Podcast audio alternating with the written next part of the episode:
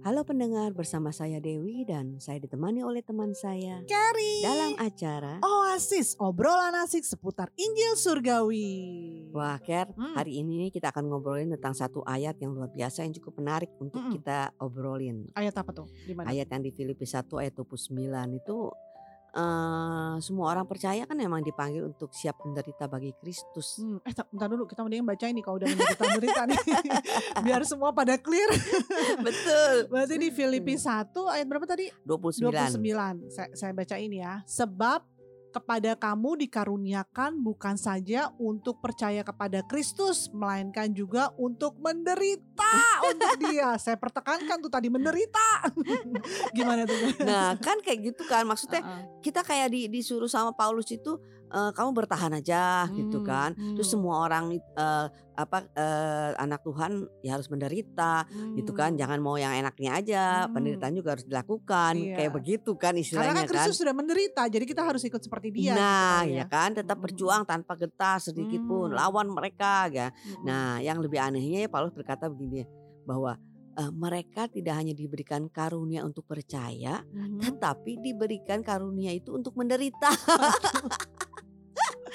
Kayak aneh banget gitu kan. Iya, iya. Karena kan kata karunia itu kan bisa diartikan sebagai sesuatu yang diberikan anugerah kan Ah, gitu betul, kan. Udah enak tuh. Iya gitu kan untuk apa namanya eh, eh, apa eh, mengalami satu penderitaan bagi Kristus gitu. Kayaknya Hmm. aneh banget gitu dengan kata lain Mhm. kita mengalami penderitaan sebagai orang Kristen itu adalah sebuah eh, privilege keistimewaan gitu. keistimewaan untuk menderita Ya, gitu maksudnya. Yes gitu kan. Jadi kayak kayak kayak gimana ya kita perlu ngerti juga kan. Ya, Saya ya. rasa sih nggak begitu kan. Ya Tapi ada sesuatu pewahyuan yang perlu kita bukakan sehingga Hmm. kita melihatnya wow ini pewahyuan yang apa ayat ini sebenarnya ayat yang luar biasa buat kita ya Iya. kalau enggak nggak mungkin lah Rasul Paulus itu berkata demikian karena dia Betul. itu kan rasul yang sangat mengerti tentang anugerah Tuhan Iya.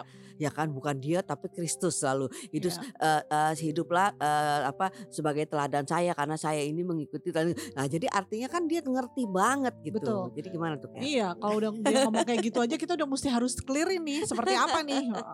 Wah, kalau yang kayak begini-gini lebih baik kita ngobrol-ngobrol dengan narasumber kita ya hari ini ya. Dan narasumber ini nggak asing lagi buat kita karena Mhm. udah setiap kali bersama kita ya. yes Oke nggak kita nggak usah lama-lama lagi. Beliau adalah salah satu leader di Jakarta City Blessing Green Lake yaitu Betul. Bapak Benny Benedictus Tan. yes Halo Pak Benny. Halo Pak Ben.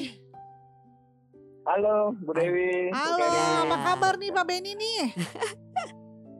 Kabar saya selalu baik lah. Wah, Wah. seneng saya selalu kalau telepon Pak Benny selalu bilangnya luar biasa, kabarnya selalu Iya, baik. nggak pernah bosan lah Pak ya. Dan kebalikannya Pak Pak Benny juga nggak nggak nggak Iya. bosan kan dengan kita berdua ini. iya iya. Iya, Pak Benny nih. Eh. uh, by the way kita lagi ngobrol-ngobrol nih tentang menerima karunia untuk menderita. Apakah mengalami penderitaan bagi Kristus itu sebuah keistimewaan?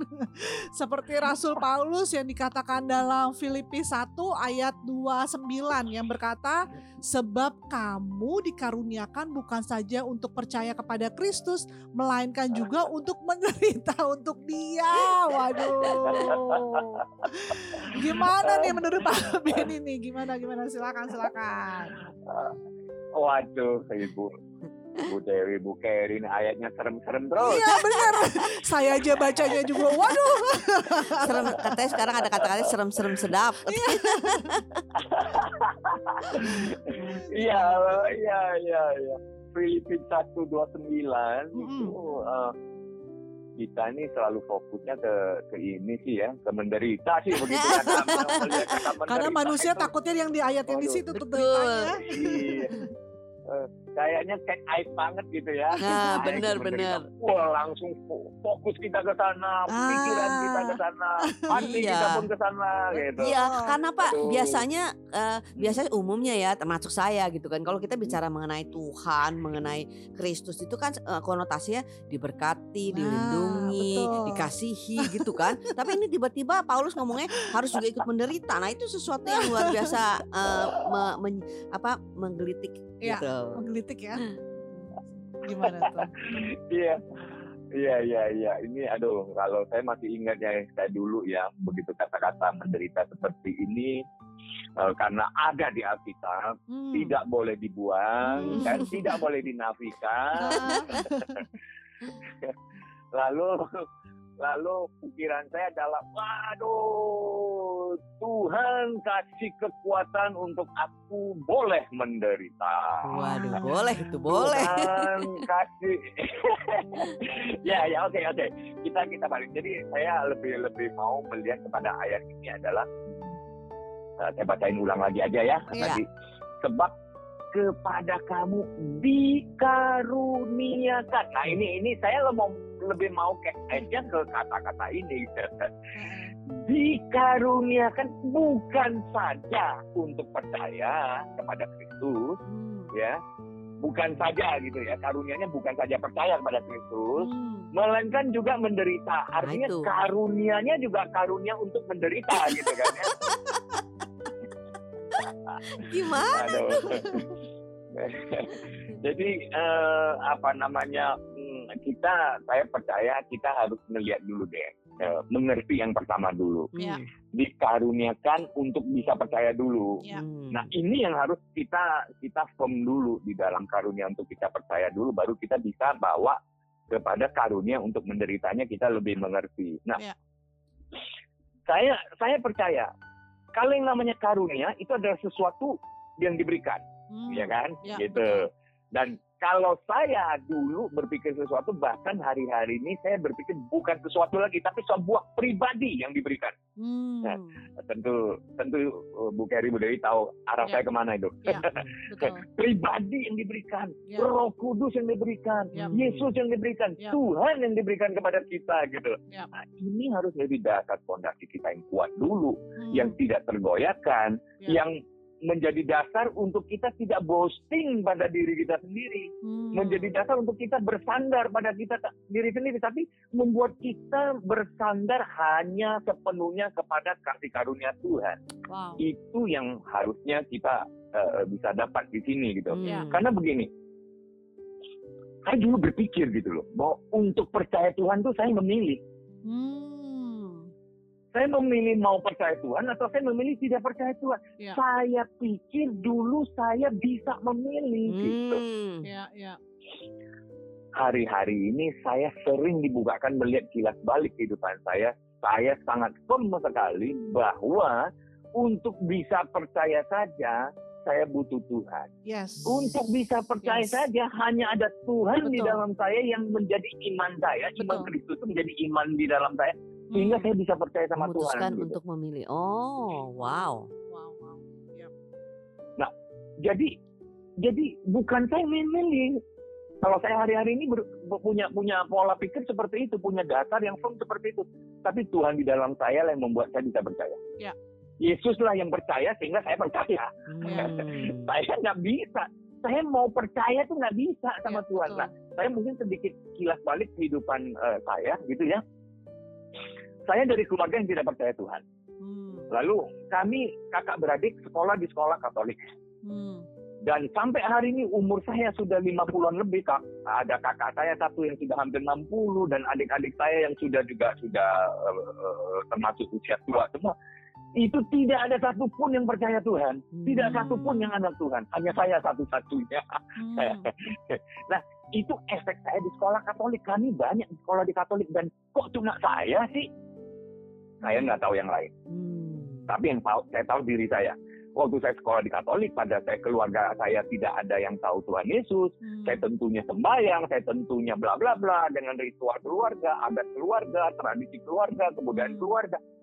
Kok bisa-bisanya waktu SD ditanya pelajaran agama mau- atau budi pekerti? Saya di di sekolah saya dulu begitu. Kalau yang tidak mau pelajaran agama Katolik ya Anda belajar budi pekerti gitu loh. Hmm. Karena mereka nggak sekolah Katolik tidak mengajarkan agama lain gitu kan. Hmm. Bisa-bisanya saya bilang, ya udah saya mau ikut pelajaran agama Katolik. Di situ saya belajar, diberi pengetahuan soal eh, eh, eh, bangsa Yahudi, eh, 12 anak eh, Yakub, Hmm. apa eh, 12 anak eh, 12 suku, ya kan, bla bla bla. Lalu saya SMP, saya bisa ikut teman ke gereja dan yang luar biasanya SMP kelas 3 itu adalah masa-masa saya nakal-nakalnya, masa saya eh, eh, bahkan sudah beririsan dengan dunia kriminal, Hmm. gitu ya. bisa-bisanya saya dibaptis di gereja Katolik. Hmm. Untuk Oh, bisa wow. dibaptis di gereja Katolik, saya harus katekis satu tahun. Iya. Saya jalanin itu semua. Wow, itu namanya Padahal saya anugerah lagi ya. nakal. Hmm. Ya, padahal saya lagi nakal-nakalnya bahkan karena saya sudah mulai mendekati dunia kriminal. Walaupun saya dibaptis, kemudian saya cari dukun. Saya cari dukun untuk apa? Untuk ilmu kebal. Karena Ah. saya sudah masuk dunia kriminal yang bisa ditusuk ataupun saya menusuk orang. Hmm. Saya bawa motor tiap hari itu ada belati di motor. Di, Ah. kenda- di badan saya selalu saya bawa pisau kecil. Ah.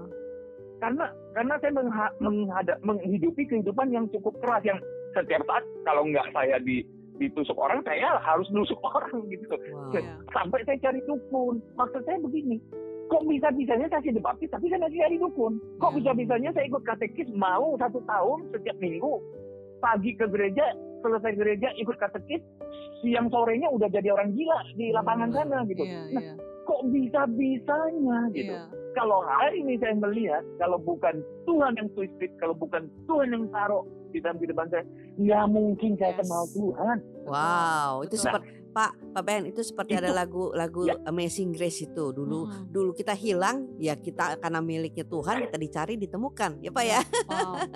Ya, kita yang Wow. ditemukan.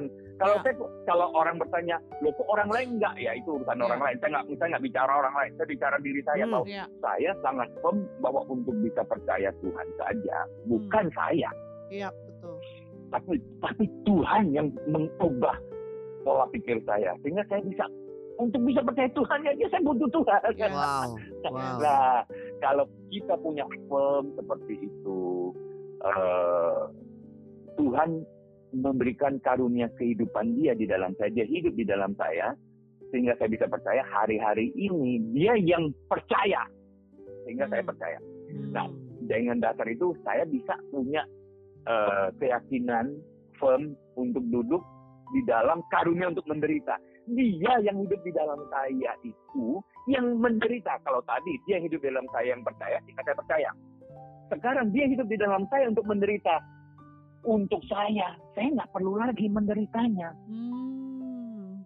Wow. Dalam tanda kutip, kalau ayat ini kita lihat, kalau kita baca di ayat sebelumnya, perikop ini, eh, si Paulus sedang berbicara kepada murid-muridnya, ya kan, kehidupan banyak, eh, kehidupan orang-orang yang eh, banyak dewa-dewi, bla bla bla, segala Hmm. macam. Bahkan murid-muridnya diganggu oleh ya orang-orang Yahudi yang mulai percaya kepada Yesus, tetapi mereka tidak percaya Yesus itu Tuhan sebenarnya. Hmm. Mereka mulai masukkan kembali kepada sunat, mereka mulai kembali kepada bahwa Yesus Tritunggal itu nggak ada. Monoteisme, monoteismenya orang Yahudi itu yang mau ditampilkan terus gitu loh. Hmm. Yesus itu cuma seorang nabi, Yesus itu cuma seorang yang dipakai.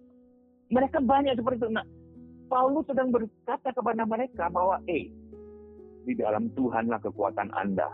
Yes. Tuhan, Yesus nggak perlu menderita, dia nggak punya salib, tapi dia datang untuk mikul salib. Salib Ya. siapa yang dipikul? Salib saya. Iya. Dia nggak Wow. punya salib. Dia nggak perlu mati. Untuk apa dia mati? Untuk saya, Ya. gantiin saya. Betul. Sehingga kalau yang seperti itu kita bisa melihat, dia nggak punya salib, dia nggak perlu disesat, dia orang kudus, tapi dia lakukan itu semua untuk saya. Berarti saya dalam hidup ini, dia yang karunia itu semua dalam hidup saya. Wow. Nah, menderita di sini saya melihatnya ada dua sebenarnya. Satu menderita dalam artian cara hidup yang berbeda dengan cara duniawi. Mhm. Yang kedua menderita dalam artian tantangan atau halangan dalam menjalani kehidupan gitu ya. Hmm. Kalau menghidupi cara kehidupan duniawi ya saya dulu hidup di dalam dunia yang hingar-bingar gitu ya. Iya. Saya saya hari ini eh, apa namanya eh, dilihat orang, orang lain melihat saya, dia bilang begini, wah dulu hidup menderita banget ya Ben. Loh kok bisa? Wah kita mah bebas, kita mah nggak di, dikungkung sama istri sama anak, kita mau mau mau pesta mah pesta, kita mah. Jadi mereka hidup me- menilai itu suatu kebebasan. Bukan Dia menilai saya ya. menderita, menderita. Seakan-akan dipaksa untuk Heeh. tidak hidup seperti itu. Padahal dulu mungkin, tapi Iya. hari ini saya melihat saya hidup enjoy aja, Yap. bahkan menikmatin Iya. gitu. Bahkan kalau kemarin di grup saya bilang, siapa di sini yang takut istri? Saya angkat tangan, saya takut istri. Saya bilang, ketawa semua teman-teman saya. Suami mana yang mau mau ngangkat tangan bilang takut istri? Saya takut istri gitu. Dalam artian mengasihi, mencintai istri gitu kan. Hmm. Berbeda gitu. Jadi saya menjalani hidup nggak menderita. Mereka lihat saya, ih menderita banget lo hidup lu ya. Saya yang melihat mereka, lu yang menderita. Nah, jadi kalau kita bisa mengerti hidup yang di dalam Tuhan itu sesuatu yang indah tidak bisa enjoy, Yes. itu menjadi hidup yang berbeda. Yes. Lalu penderitaan yang kedua mengalami tantangan hidup. Pak, saya sudah bener lah saya hidup dalam gereja gini, kok saya begini-begini aja ya. Saya kok mau punya mobil Mercy nggak punya, mau mobil punya mobil besar apa rumah besar nggak punya. Nah, kadang-kadang kita melihat orang dengan penggaris orang lain, Iya. bukan dengan penggaris kita. Betul. Buat saya, hari-hari ini siapa pun kita, kita bisa menikmati Tuhan. Iya. Hmm. Saya eh, dilihat dunia kebanyak orang lain yang waduh enak ya dia begini enak ya dia begitu wah luar biasa ya dia punya rumah besar bahkan dia bisa beliin anaknya rumah satu dua tiga empat gitu ya Hmm. saya hari ini saya bersyukur aja saya bukan kerja sama orang saya kerja sendiri gitu ya bisnis Ya. sendiri mungkin tetangga saya direktur besar mobil mungkin Mercy tapi tiap Hmm. hari dia kan mesti ke kantor dia kerja jam Hmm. pagi saya saya bisa lari-lari dulu olahraga pagi Hmm. baru ke kantor Hmm. saya bisa dengan tenang-tenang hari ini eh, kita podcast dulu baru ke kantor Hmm. nah saya menikmati enjoy orang Iya. lain yang kerja belum tentu bisa seperti saya Betul. Kalau kita mau lihat saja semua kehidupan kita sesungguhnya Tuhan hidup di dalam kita, dia menanggung dan kita tinggal jalanin aja. Yes. Eh, Wow. Paulus bilang apa? Tapi yang dahulu merupakan keuntungan bagiku, sekarang kuanggap rugi karena Kristus. Segala sesuatu kuanggap rugi, dia bilang, Hmm. gitu kan? Ya. Pengenalan Kristus lebih mulia. Apakah pengetahuan Paulus sebelumnya itu sampah? Jadinya, enggak. Pengetahuan Paulus bukan sampah, tapi pengenalannya, pengertiannya yang sampah. Wow. Paulus dengan pengetahuan dia di, di yang Yahudi begitu dapat pewahyuan Tuhan dia mengenal dia mengerti apa Hmm. yang dia pengetahuan dia dulu itu dia salah mengerti Hmm. Ya. dulu dia menilai monoteisme di Yahudi hari ini dia yang begitu mengerti dia tahu Trinitas Wow. dia tahu Tritunggal dia Yes. tahu Yesus itu siapa ya dulu dia nggak tahu dulu dia pikir monoteisme nah nanti sebenarnya ada ada ada ada beberapa Yahudi yang sudah mulai mengerti bahwa apa yang dulu disebut di dalam Alkitab Perjanjian Lama sebenarnya kepercayaan mereka bukan monoteisme Hmm. tapi Unitarian. Nah itu nggak disadari. Jadi pengetahuan Paulus bukan sampah, pengetahuannya ya bukan Ya. sampah, pengertiannya yang sampah. Hmm. Nah, Hari-hari ini apakah kita punya pengenalan akan Kristus yang hidup di dalam kita? Pengetahuannya boleh, kita tahu Hmm. Kristus Hmm. hidup di dalam saya. Tapi pengenalan akan Kristus di dalam saya, dia yang menjalani itu, saya tinggal enjoy. Nah itu yang bisa kita dengan enteng, ay- Filipi 1:9 ini, karunia menderita. Yes, karena Yesus adalah karunia buat saya. Yes. Dia yang menderita untuk Yes. di dalam Wow. saya. Orang lain melihat saya menderita untuk dia. Tapi sebenarnya Yesus. Ya. Gitu. Yang menghadapi itu semua. Nah, Ya. itu mungkin kalau saya menjelaskan di Filipi 129 gitu. Dari itu, Wow. dari Pak Ben istilahnya istilahnya kayak kita naik sepeda aja gitu kan. Hmm. Sebenarnya kita cuman menikmati, Iya. tapi sepedanya itu Yesus gitu. Kita Ya, tinggal betul. tinggal tinggal walaupun ada ada apa? Ada jalan sempit, jalan lebar, Hmm. ada banjir gitu kan. Kita itu eh, Hmm. ada Yesusnya gitu yang melakukannya kan. Kalau kita udah pasti nggak bisa, udah pasti nggak enjoy, udah Ya. udah pasti Ya. pikiran kita itu penderitaan dan sebagainya ya Pak ya. Karena Rasul Paulus Ya. juga begitu kan Pak ya. Dia itu kita melihatnya waduh Rasul Paulus menderita amat tapi malah dia bilangin aku bersyukur karena di dalam kelemahanku Tuhan itu menjadi jadi nyata gitu kan. Mana ada ya Pak ya Iya. kelemahan di dalam kelemahan kita kita eh, berpikir bahwa kita ini jadi jadi apa bermegang nggak ada Hmm. orang malah menutupi kelemahannya ya Pak ya. Hmm. Wow, luar biasa sekali Iya Pak Ben betul, betul. itu satu satu pemikiran mengubah pemikiran cara pandang kita karena kita mengenal siapa Tuhan kita sehingga penderitaan itu pun bukan sesuatu yang menakutkan yang membuat Betul. kita menjadi kayaknya Ya. ngelihat Tuhan itu jahat gitu ya. Iya. Wah terima kasih nih Pak Ben luar biasa Wah, sekali. Thank you Sama-sama. Pak Beni. Wah. Sekali Thank you, untuk thank you, thank you, dan Bu. waktunya. Iya, Oke, Bu. thank you. Thank you, God Pak Ben. Oke, bless. thank you. Ya, bye. God bless. Wah, wah luar biasa sekali ya Kare. Iya. Karena kalau kita tidak mengerti akan eh, apa eh, the whole apa keseluruhan daripada ayat ini, kita Mhm. melihatnya hanya, hanya penderitaan, Yes. ya kan sesuatu yang negatif. Betul. Ya kan, jadi pemikiran kita penderitaan itu dipukulin lah, Iya, kekurangan iya. lah, dipepet lah, apa dan Betul. sebagainya semuanya ya. Padahal ya Padahal bukan kita ya. tahu mau apa pun juga Yes. kalau kita sudah memiliki menjadi milik anak raja Mhm. itu tuh tidak menjadi masalah lagi. Betul. Memang penderitaan itu akan bisa terjadi dan eh, bisa ada faktanya, Mhm, mhm. tetapi siapa kita Betul. gitu kan? Kita itu Wow. sudah orang yang sudah di- dibebaskan, dari hal yang Dibebaskan, itu kan. betul. Penderitaan itu ada bukan kita lagi, bukan memakai kekuatan kita lagi menjalankannya, tetapi Hmm. Kristuslah yang menjadi Wow. eh, menjalankannya untuk sampai kita itu Wow. Ya badai itu pasti berlalu istilahnya Yes, kan. betul. Kenapa? Karena di dalam perahu kita ada, Ada Yesus. Kristus. Wow, Amin. amin. Wah, oke kita akan stop di sini dulu bagi Hmm. para pendengar Oasis Setia Oasis. Jika masih ada pertanyaan atau ingin didoakan, silakan menghubungi kami di nomor berapa, Ker? 0818 07 488 489 saya ulangi kembali 0818 07 488 Dan 489 kita tutup dalam doa, Ker. Tuhan terima kasih Tuhan atas anugerahmu yang besar Tuhan terima kasih Tuhan karena kami boleh dimengertikan lagi Tuhan pengenalan Engkau di dalam kehidupan kami terima kasih Yesus atas hari ini Tuhan di dalam nama Tuhan Yesus kami telah berdoa dan mengucap syukur amin Sampai berjumpa di episode Oasis berikutnya. Jika Anda yang mendengar dan diberkati, silakan share kepada teman-teman Anda lainnya. Amin.